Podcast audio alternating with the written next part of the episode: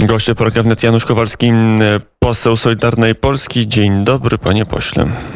Dzień dobry, witam serdecznie. Jestem właśnie w drodze do Prudnika na pięknej Opolszczyźnie. Pozdrawiam wszystkich radiosłuchaczy Radia Wnet. Zresztą poseł z Opolskiego kiedyś, ale dobrze pamiętam, wiceprezydent mm, Opola. No dobrze, panie pośle. Wiceprezydent, tak. Tak, to się zgadza i też wiceminister kiedyś, kiedyś aktywów państwowych. Wiele e, funkcji można by przypominać z CV pana e, posła, teraz parlament, teraz e, Sejm. Mm, Sejm, który za parę dni wróci do obrad i wróci w bardzo burzliwej sytuacji. Incydent graniczny goni kolejny incydent graniczny. Wczoraj grupa aktywistów, jak to się też teraz ładnie mówi, chciała przerwać kordon graniczny z Bartoszem Kremkiem na czele. Były nożyce do cięcia drutu, były rękawice, były liny, była próba zrobienia wyłomu w zasiekach. Jaka będzie odpowiedź rządu, jaka będzie odpowiedź koalicji rządzącej? No ja mam nadzieję, że wszystkie te osoby znajdą się najzwyczajniej w świecie tam, gdzie powinny się znaleźć, czyli w areszcie i w więzieniu, ponieważ ktoś, kto próbuje przerwać instalację, ogrodzenie, płoty zabezpieczające wschodnią granicę Rzeczpospolitej Polskiej, zabezpieczającą granicę Unii Europejskiej i robi to jak sabotażysta, jak quasi terrorysta, no, powinien po prostu być absolutnie surowo ukarany. No, ja byłem przekonany, że po tym, co powiedział pan e, Frasyniuk po tych haniebnych słowach na temat funkcjonariuszy Straży Granicznej, na temat żołnierzy polskich. Już nic gorszego nie może się wydarzyć, ale te obrazki, które widzimy, jakiś kompletny amok, jakiś antypaństwowy amok części działaczy lewackich, e, którzy no, na pograniczu już, tak jak powiedziałem, no, quasi terroryzmu zaczynają dekonstruować e, funkcjonowanie polskiego państwa. No tutaj polskie państwo musi absolutnie zdecydowanie e, odpowiedzieć, ukarać, e, jeżeli ci ludzie, którzy e, dopuszczali się tych haniebnych czynów, posiedzą kilka miesięcy w areszcie, bo tak powinno moim zdaniem po prostu być, to, to, to, to może nauczą się, że nie ma żartu z polskim państwem, a na pewno nie ma um, możliwości, aby działać w taki sposób, kiedy jesteśmy atakowani przez zewnętrzne państwo, kiedy reżim Aleksandra Łukaszenki prowadzi wobec polskiego państwa działania o charakterze hybrydowym. E, a jakie to były działania? To było wpisanie się świadomie w politykę Mińska i, mm, i Moskwy? To, to był atak terrorystyczny? Jak pan mm, zaszereguje to, co się wydarzyło wczoraj na polsko-białoruskiej granicy? Przede wszystkim wyobraźmy sobie taką sytuację, w której ta operacja służb e, białoruskiego KGB, wspieranych oczywiście przez e, Kreml, operacja zaplanowana od wielu miesięcy. Dziennikarz białoruskich niezależnych mediów pisał wprost, że to jest operacja E, o kryptonimie Śluza. Jej założenie już wiele lat temu było opracowane, a więc sprowadzanie samolotami tak zwanych imigrantów zarobkowych e, z na przykład z Bagdadu, z Iraku, po to, żeby nielegalnie przekraczali granicę polsko-białoruską e, czy białorusko-litewską, żeby wywoływać chaos, żeby wywoływać napięcia, żeby sprawdzać, czy w sposób jednoznaczny i spójny i solidarny Unia Europejska na takie działania E, zareaguje. I mając do czynienia z tą operacją, która e, mieści się w ramach tak zwanego pojęcia wojny e, hybrydowej, żeby wywołać właśnie chaos na wschodniej granicy Unii Europejskiej. Jeżeli nie byłoby polityków Platformy Obywatelskiej i Lewicy na polsko-białoruskiej granicy, jeżeli nie byłoby takich aktów jak w dniu wczorajszym, czyli prób zniszczenia ogrodzenia na polsko-białoruskiej granicy, jeżeli nie byłoby 24 godziny telewizji TVN, która niestety wykorzystując również, co jest absolutnie dla mnie niezrozumiałe, materiały mm, mm, służb e, białoruskich, pokazuje wykrzywiony obraz tego, co dzieje się na, mm, e, na granicy polsko-białoruskiej, to oczywiście ta akcja służb e, białoruskiego KGB już dawno by się zakończyła, ponieważ brak zainteresowania jest jednym z elementów fiaska operacji związanej z wojną dezinformacyjną, wojną hybrydową. Innymi słowy, każdy poseł Platformy Obywatelskiej, który jedzie na granicę polsko-białoruską, każdy post postkomunistycznej lewicy, który przeszkadza funkcjonariuszom Straży Granicznej, każdy, kto próbuje e, wywoływać taki dezinformacyjny chaos, szkodzi bezpieczeństwu Rzeczpospolitej. To trzeba sobie jasno powiedzieć. I bardzo ważna rzecz, to, że znamienne jest to, że Platforma Obywatelska w żaden sposób nie zareagowała na harce swoich e, e, posłów. Donald Tusk, e, szef Platformy Obywatelskiej, nie wyrzucił pana Sterczewskiego, nie wyrzucił pani Jachiry, nie wyrzucił pana Jońskiego, nie wyrzucił pana Szczerby, a więc tym samym e, dał im e, kolejny raz immunitet na to, aby takie działania, które są niezgodne z polską racją stanu, które uderzają w bezpieczeństwo, a pamiętajmy, że stanowisko Polski w tej sprawie jest popierane przez całą Unię Europejską, przez wszystkie państwa członkowskie, tylko oczywiście Platforma Obywatelska wykorzystuje operację białoruskiego, e, białoruskiego KGB do ataku na polski rząd. No to jest rzecz absolutnie niesłychana i jestem przekonany, że Polacy to widzą i wyciągną z tego wnioski przy najbliższych wyborach e, parlamentarnych. No, najbliższe wybory za mm, prawie dwa lata, za ponad dwa lata, więc jeszcze jest czas. Jak na razie mm, spór graniczny zdaje się przynosić punkty sondażowe koalicji rządzącej. Widzimy to mm, w sondażach. Lider Solidarnej Polski, minister sprawiedliwości Zbigniew Ziobro podkreśla też, że to, co się dzieje na granicy, to jest też element prawny, że on też e, daje możliwość zmian w prawie. Podkreśla co i róż, że czekają w Ministerstwie Sprawiedliwości kolejne ustawy, które mają dokończyć reformę wymiaru sprawiedliwości, która mm, toczy się szósty, szósty rok i, i wielkich efektów y, nie widać.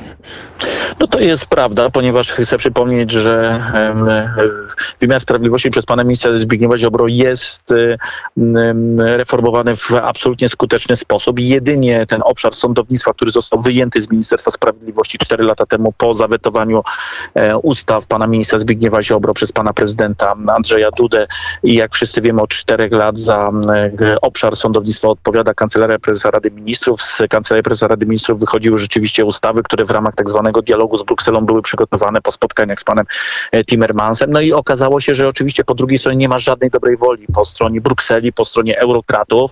No przed tym od samego początku przestrzegaliśmy i jako Solidarna Polska uważaliśmy, że um, trzeba po prostu robić swoje, zreformować um, sądownictwo i po czterech latach trzeba dokonać absolutnego resetu, że odejść od tej polityki prowadzenia dialogu, bo, ponieważ po drugiej stronie nie ma żadnej dobrej woli, przystąpić do ofensywy i o tym pan Zbigniew Ziobro mówił. My nie zgadzamy się na żadny szantaż, na żaden dyktat CUE, Unii Europejskiej czy jakiegokolwiek eurokraty. My musimy reformować sądownictwo, które dzisiaj jest rozpolitykowane właśnie również tym dialogiem czteroletnim z Brukselą i Polacy oczekują, że sądownictwo i sędziowie będą e, działać Jak na razie Izba Dyscyplinarna musi się zwinąć. To jest tak, że to jest jakiś obszar sporu między ministrem sprawiedliwości a premierem, że premier chce w jedną stronę, a minister Ziobro w inną?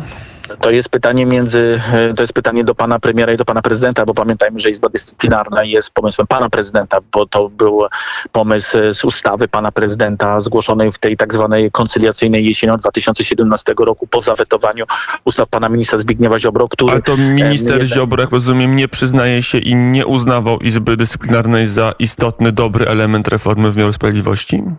Znaczy on był bardzo mocno kompromisowy i był autorskim pomysłem pana prezydenta. No to, to są fakty, to nie jest kwestia przyznawania Dobrym się. Dobrym czy złym, panie pośle? To, to, to, jest sytuacja taka, że tak jak pan minister Zbigniew Ziobro wskazał we wczorajszym wywiadzie, gdyby rzeczywiście polskie państwo i wszyscy, wszystkie struktury w sposób jednoznaczny wspierały, można powiedzieć, takie moralne poczucie konieczności reformy wymiaru sprawiedliwości, szczególnie sądownictwa i nie odpuszczały po prostu tym sędziom, którzy rzeczywiście politykowali i działali na granicy również prawa. To jest bardzo niewielka grupa e, sędziów. Większość sędziów jest, są, to są sędziowie, którzy służą Rzeczpospolitej, ale jeszcze jest grupa, grupy, która jednak ogniskuje te negatywne emocje, która tworzy taki obszar e, włoskiego strajku, która jest bardzo aktywna na polu politycznym. I tutaj zabrakło jednak tej determinacji, również w obozie Zjednoczonej Prawicy. No miejmy tego świadomość, bo w moim przekonaniu sędzi, który neguje porządek Rzeczpospolity, e, który neguje na przykład Trybunał Konstytucyjny, powinien być wyrzucony z pracy Nie, nie mieć prawa orzekania w imieniu Rzeczpospolitej Polskiej. Sędzia, który bawi się w politykę i próbuje falandyzować prawo i wykorzystywać instytucje unijne do uderzania w polskie państwo po to, by chronić swoje korporacyjne interesy, powinien być natychmiast wyrzucony następnego dnia z pracy, odebrane mu wszystkie przywileje, cała emerytura, co do tego nie mam żadnej wątpliwości. Tak powinno działać silne państwo. I tej determinacji niestety zabrakło. I w efekcie mamy sytuację, w której po czterech latach tego dialogu z Brukselą, który był prowadzony, tak jak mówię, po poza Ministerstwem Sprawiedliwości. Wracamy i Solidarna Polska chce wrócić do koncepcji twardych, zdecydowanych, efektywnych reform Zbigniewa Ziobro. Bo proszę Czyli zobaczyć, teraz tam, wycofujemy się z Izby Dyscyplinarnej, ale wracamy do tych samych ustaw, które przyjął Sejm w roku 2016? To jest jedyne, jedyne, jedyne dzisiaj rozwiązanie, no bo jeżeli byśmy się tylko wycofali z Izby Dyscyplinarnej, no to byłby to po prostu dyktat i byłby to szantaż e, CUE, któremu by polskie państwo w sposób absolutnie nieuprawniony um, A pan poseł jest pewien, że tym razem prezydent podpisze tę ustawę? No pan prezydent myślę, że to również wyciągnął i wyciąga wnioski z, z tego, co się dzieje. Widzi, że e, jestem przekonany, wierzę w to, że pan prezydent widzi, że jednak e, pójście na pewnego rodzaju kompromisy i dialog czy z Brukselą, czy ze środowiskiem sędziowskim. No dzisiaj proszę zważyć, że już Jarosław Gowin właśnie dokładnie tym językiem mówi. Mówi językiem, że trzeba się dogadywać z korporacją, ze, ze środowiskami sędziowskimi, prawniczymi po kolejnych wyborach. To jest język i to jest model, który absolutnie trzeba odrzucić. My naprawdę mamy dokładnie taki sam model sądownictwa jak w Hiszpanii. Zdecydowanie bardziej, jeżeli chodzi o wpływ e, władzy ustawodawczej na powoływanie sędziów jest, e, jest, modelem, jest modelem niemieckim i dlaczego polskiemu państwu odbiera się możliwość e, budowy zgodnie z modelową zasadą trójpodziału władzy swojego wymiaru sprawiedliwości w tej części oczywiście władzy sędziowskiej. Na to oczywiście zgody być nie może. I teraz prawica musi sobie we wrześniu odpowiedzieć na pytanie, czy my naprawdę chcemy chcemy reformować Rzeczpospolitą Polską, czy naprawdę chcemy zmieniać i dotrzymywać e, słowa z 2015-2019 roku, czy chcemy się cofać. Jestem przekonany, że w obozie prawicy i tym, e, myślę, gwarantem jest Zbigniew Ziobro. Zwycięży jednak ofensywa, bo proszę zważyć, że tam, gdzie Zbigniew Ziobro reformował, a więc reformował kwestię VAT-u, to gdyby nie minister sprawiedliwości Zbigniew Ziobro i jego autorska ustawa z lutego 2017 roku, nie byłoby miliardów złotych na programy społeczne. Gdyby nie minister Chociaż Ziobro i, i, wiele i osób wyciąga Trybunału tak?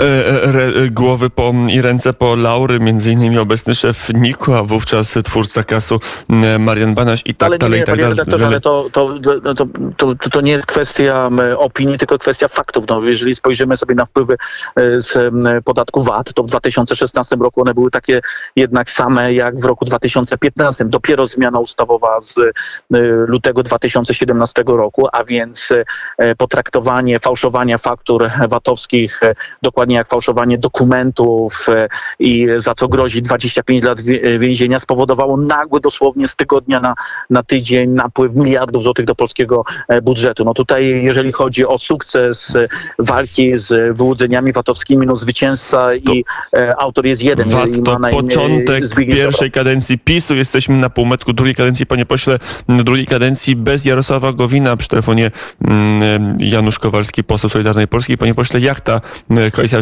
rządząca bez Jarosława Gowina teraz będzie wyglądać. E, to już rozumiem, jakie jest stanowisko Solidarnej Polski co do e, dalszej reformy wymiaru sprawiedliwości, ale przykład w gospodarce. Co się zmieni? Czy to będzie inna koalicja, czy brak Jarosława Gowina wpłynie także na politykę gospodarczą rządu?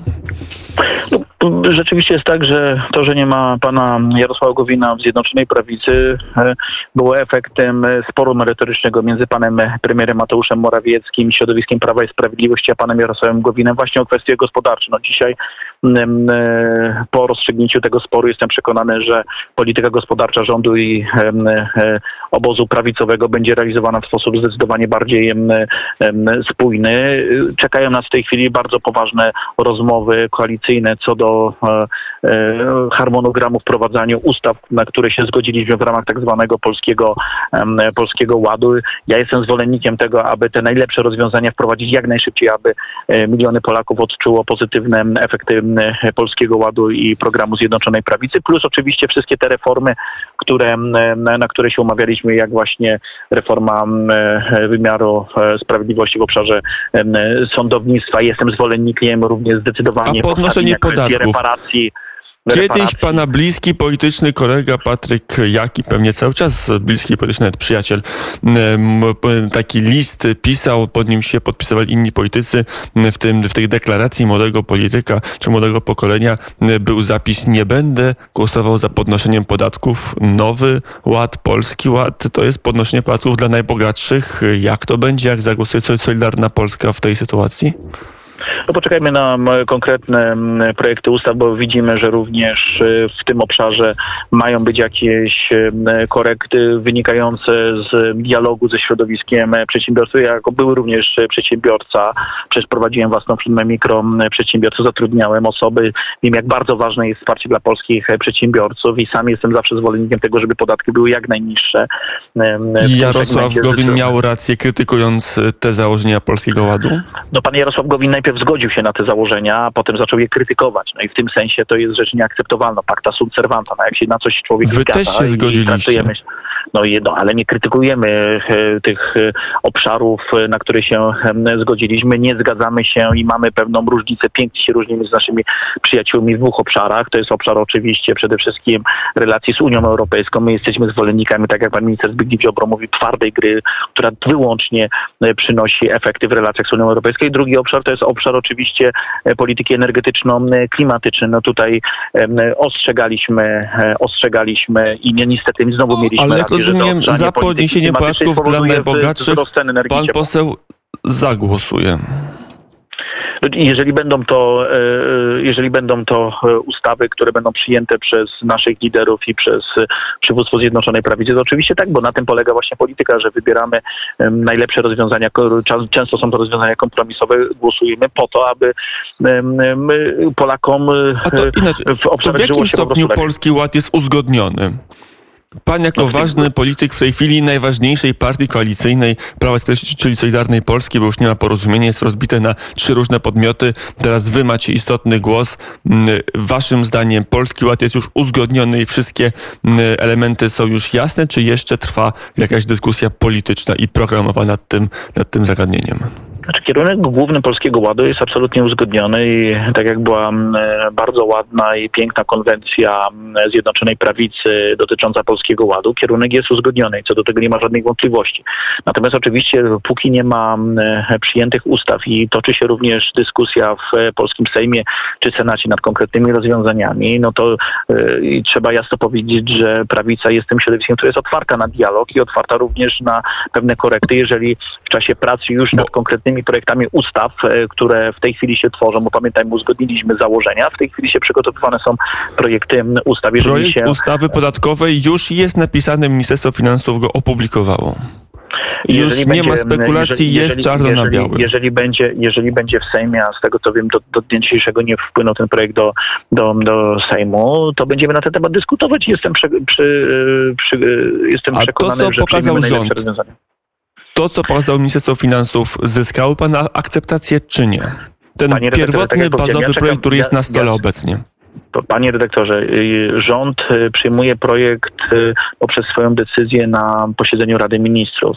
Nie chciałbym komentować wszystkich, ponieważ nie znam wszystkich projektów poszczególnych ministerstw. Często są to projekty kontrowersyjne. No tak jak na przykład ostatni projekt kontrowersyjny, jestem przekonany, że spadnie z agendy dotyczące sanitaryzmu, dotyczące odbierania praw i wolności obywatelom w zamian za to, że są niezaszczepieni. Chodzi o to, że ja nie godzę się na to, żeby część obywateli była wyrzucana z pracy e, mundurowych, nauczycieli, że była segregacja dzieci. No ktoś tutaj się jednak troszeczkę zapędził e, za daleko. I, nie I ten projekt, projekt pan poseł przeczytał, a projektu podatkowego kluczowego projektu Polskiego Ładu pan poseł nie przeczytał. Jak panie redaktorze, w założeniach ten projekt, no jestem zwolennikiem tego, żeby każdy poseł, który ma swoją specjalizację, specjalizował się. Dla mnie tą specjalizacją jest szczególnie jest energetyka, a nie, sanie, a nie sanitaryzm.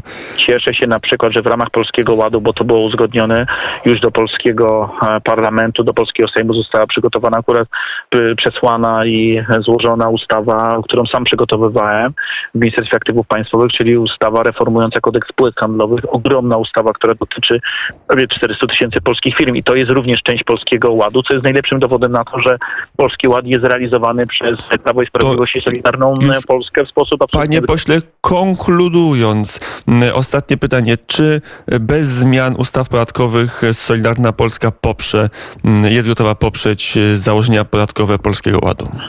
No my p- poparliśmy założenia podatkowe e, Polskiego Ładu na, konwencji i się nie wycofujemy e, z tej naszej e, deklaracji. Jesteśmy poważną Także partią tą- koalicyjną i z naszymi przyjaciółmi z Prawa i Sprawiedliwości, jeżeli się na coś umawiamy, to dotrzymujemy Z słowa, jeżeli nasi 9% składką zdrowotną dla tak jak średnich panie przedsiębiorców, redaktorze, tych ma pan świadomość tego, że w tej chwili toczy się dyskusja po stronie Prawa i Sprawiedliwości, jak ostatecznie ten kształt będzie wyglądał. Poczekajmy na to, na zakończenie tej dyskusji i będziemy rozmawiać na temat e, e, konkretnych rozwiązań prawnych, jeżeli one już będą przyjęte przez rząd, a póki co nie zostały przyjęte przez, e, przez rząd, więc poczekajmy. Ja szanuję tą dyskusję, którą prowadzi pan premier Mateusz Morawiecki z środowiskami polskich e, przedsiębiorców jestem przekonany, że po tym dialogu przyjmie jak najlepsze rozwiązanie dla polskiego biznesu. No dobrze, to jeszcze na koniec na chwilę do ogródka opozycji, bo też do niej przejdziemy w następnej rozmowie. Zajrzyjmy. Campus Polska miał dać Platformie Obywatelskiej nową siłę, tą siłę obywatelską. Wydaje się, że po weekendzie, po tych najważniejszych panelach raczej jest dla Platformy i dla tego obozu politycznego- kłopotem. Mamy kilka wypowiedzi pana marszałka Grodzkiego o tym, że trzeba zlikwidować ileś set szpitali w Polsce. Mm, Pana posła Nitrasa, że trzeba opiłować e, katolików. Na ile e, Pana zdaniem to, co w tej chwili się dzieje na kampusie Polska, to jest taki element, który pozwoli Wam spokojnie odbić się w sondażach i odzyskać stratę e, z ostatnich miesięcy? Niemcy płacą, Niemcy wymagają. Niemiecka e, fundacja niemieckiej CDU między innymi finansowała e, inicjatywę pana Rafała Trzaskowskiego Campus Polska, chociaż może powinno się to nazywać Campus Berlin, bo Berlin jest przecież rzeczywiście miejscem bardzo ważnym w sercu pana Trzaskowskiego. Bardzo chciał, żeby tam e, stamtąd latali Polacy, a nie z, w, z CPK w, w Polsce. I rzeczywiście jest tak, że ta tęczowa agenda wymierzona szczególnie w katolików była bardzo mocno słyszalna przez miliony e, Polaków po tym e, wydarzeniu e, Rafała Trzaskowskiego. No, taka jest agenda dzisiejszej em, niemieckiej, niemieckiej partii CDU, niemieckich eurokratów, brukselskich eurokratów. Dają pieniądze Rafałowi Trzaskowskiemu na organizowanie takich eventów. No i muszą po prostu takie rzeczy ci politycy jak Sławomir Nitras, który chce piłować katolików, muszą takie, takie kontrowersyjne tezy wygłaszać. Musi Donald Tusk po raz 137 zapowiadać e, związki e, partnerskie, a przecież wiemy, że Platforma Obywatelska, przecież pamiętamy pana Grupińskiego, w istocie myśli gdzieś tam w e, kolejnych krokach o małżeństwach osób homoseksualnych, być może również o adopcji dzieci przez pary homoseksualne. To to jest właśnie tęczowa agenda, którą my odrzucamy. Ale mówiąc, konkludując, no ja nie ukrywam, że jako polityk prawicy chciałbym, żeby i zachęcam do tego, żeby Donald Tusk, Sławomir Nitras i Rafał Trzaskowski takie kampusy organizowali nawet co miesiąc, e, bo im więcej będzie takich kampusów i będą mm, e, e, takie osoby jak pani Bienkowska związana z Platformą Obywatelską wzywać do obcinania Polsce funduszy europejskich, pan Sławomir Nitras do z katolikami, będą wzywać do tęczowej rewolucji, do uderzania w polskie e, DNA, jeżeli chodzi o kulturę, wartości, to oczywiście e, sprzeciw wobec tej tęczowej e, Platformy Obywatelskiej będzie w polskim narodzie rósł i prawica przekroczy 50% em, e, poparcia, więc zachęcam. Panie Rafale Trzaskowski, jeżeli pan słucha Radia Wnet, proszę organizować kampus kampusy nawet co, co miesiąc, a sondaże Zjednoczonej Prawicy będą coraz wyższe. Jak na razie e, cały czas nie udało się w sondażach przekroczyć z powrotem progu 40% poparcia, m, czyli cały czas projekcja jest poniżej wyniku, który uzyskała w ostatnich wyborach m, parlamentarnych. Janusz Kowalski, poseł Solidarnej Polski, był gościem poranka wnet. Dziękuję bardzo panie pośle za rozmowę. Dziękuję uprzejmie i zapraszam wszystkich na Opolszczyznę. Do usłyszenia, do zobaczenia. Dziękuję. Do usłyszenia. Przed nami ostatnie dwa dni e, wakacji, a jeszcze trochę lata zostało. Wrzesień może nas zaskoczy, jeszcze może będzie można mm, się wybrać gdzieś na krótki e, weekend wakacyjny. Informacyjny. Na, zegarach godzina 8.34. Teraz czas na zespół The Doors, a zaraz potem zajrzymy do opozycji.